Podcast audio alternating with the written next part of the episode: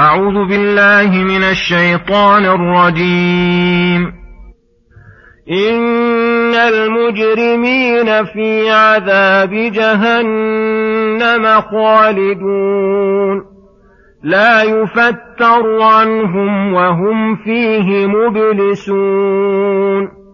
وما ظلمناهم ولكن كانوا هم الظالمين.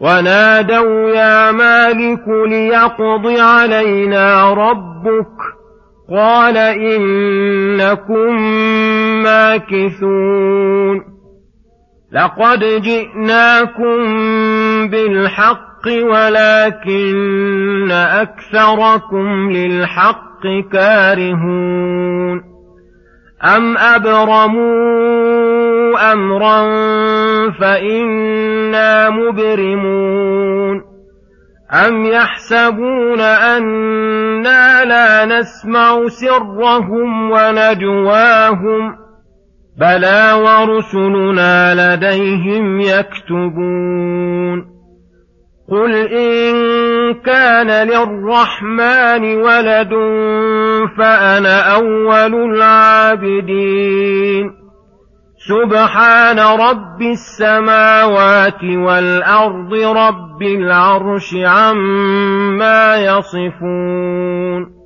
فذرهم يخوضوا ويلعبوا حتى يلاقوا يومهم الذي يوعدون وهو الذي في السماء اله وفي الأرض اله وهو الحكيم العليم بسم الله الرحمن الرحيم السلام عليكم ورحمه الله وبركاته ان يقول الله سبحانه ان المجرمين في عذاب جهنم خالدون لا يفتر عنهم وهم فيه مبلسون لما ذكر نعيم الجنة عقبه بذكر عذاب جهنم فقال إن المجرمين إلى قوله كارهون.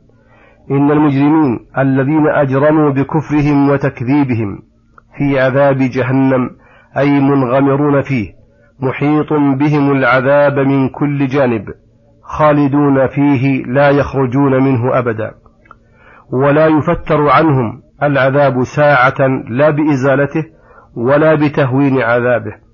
وهم فيه مبلسون أي آيسون من كل خير غير راجين للفرج وذلك أنهم ينادون وذلك أنهم ينادون ربهم فيقولون ربنا أخرجنا منها فإن عدنا فإنا ظالمون. قال اخسأوا فيها ولا تكلمون. وهذا العذاب العظيم بما قدمت أيديهم وبما ظلموا به أنفسهم. وما ظلمناهم ولكن كانوا هم الظالمين فالله لم يظلمهم ولم يعاقبهم بلا ذنب ولا جرم ونادوا وهم في النار لعلهم يحصل لهم استراحة يا مالك ليقض علينا ربك أي ليمتنا فنستريح فإننا في غم شديد وعذاب غليظ لا صبر لنا عليه ولا جلد قال لهم مالك خازن النار حين طلبوا منه أن يدعوا الله لهم أن يقضي عليهم إنكم ماكثون أي مقيمون فيها لا تخرجون منها أبدا فلم يحصل لهم ما قصدوه بل أجابهم بنقيض قصدهم وزادهم غما إلى غمهم ثم وبخهم بما فعلوا فقال لقد جئناكم بالحق الذي يوجب عليكم أن تتبعوه فلو تبعتموه لفزتم وسعدتم ولكن أكثركم للحق كارهون. فلذلك شقيتم شقاوة لا سعادة بعدها. ثم يقول سبحانه أم أبرموا أمرا فإنا مبرمون. يقول تعالى أم أبرموا أي أبرم المكذبون بالحق المعاندون له أمرا أي كادوا كيدا ومكروا للحق ولمن جاء بالحق يدحضوه بما موه من الباطل المزخرف المزوق.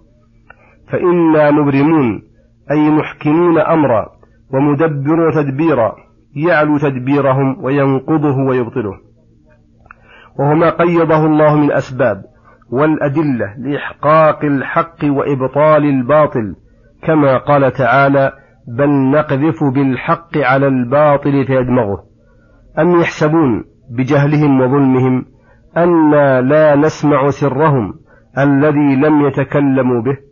بل هو سر في قلوبهم ونجواهم أي كلامهم الخفي الذي يتناجون به أي فلذلك أقدموا على المعاصي وظنوا أنها لا تبعة لها ولا مجازاة على ما خفي منها فرد الله عليهم بقوله بلى إنا نعلم سرهم ونجواهم ورسلنا الملائكة الكرام لديهم يكتبون كل ما عملوه سيحفظ ذلك عليهم حتى يردوا القيامة فيجدوا ما عملوا حاضرا حاضرا ولا يظلم ربك أحدا.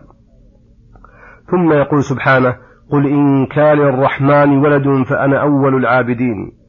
أي قل يا أيها الرسول الكريم الذي جعلوا لله ولدا وهو الأحد الفرد الصمد الذي لم يتخذ صاحبة ولا ولدا ولم يكن له كفوا أحد. قل إن كان للرحمن ولد فأنا أول العابدين لذلك الولد لأنه جزء من والده وأنا أول الخلق انقيادا للأوامر المحبوبة لله ولكني أول المنكرين لذلك وأشدهم له نفيا فعلم بذلك بطلانه. فهذا احتجاج عظيم عند من عرف أحوال الرسل وأنه إذا علم أنهم أكمل الخلق وأن كل خير فهم أول الناس سبقا إليه وتكميلا له وكل شر فهم أول الناس تركا له وإنكارا له وبعدا منه. فلو كان للرحمن ولد وهو الحق لكان محمد بن عبد الله أفضل الرسل أول من عبده ولم يسبقه إليه المشركون. ويحتمل أن معنى الآية لو كان الرحمن ولد فأنا أول العابدين لله. ومن عبادتي لله إثبات ما أثبته ونفي ما نفاه فهذا من العبادة القولية الاعتقادية ويلزم من هذا لو كان حقا لكنت أول مثبت له فعلم بذلك بطلان دعوى المشركين وفسادها عقلا ونقلا. سبحان رب السماوات والأرض رب العرش عما يصفون من الشريك والظهير والعوين والولد وغير ذلك مما نسبه إليه المشركون. فذرهم يخوضوا ويلعبوا أي يخوضوا بالباطل ويلعبوا بالمحال فعلومهم ضارة غير نافعة وهي الخوض والبحث بالعلوم التي يعارضون بها الحق وما جاءت به الرسل وأعمالهم لعب وسفاهة لا تزكي النفوس ولا تثمر المعارف. ولهذا توعدهم بما أمامهم يوم القيامة فقال حتى يلاقوا يومهم الذي يوعدون. فسيعلمون فيه ماذا حصلوا وما حصلوا عليه من الشقاء الدائم والعذاب المستمر. وصلى الله وسلم على نبينا محمد وعلى آله وصحبه أجمعين. وإلى الحلقة القادمة غدا إن شاء الله. والسلام عليكم ورحمة الله وبركاته.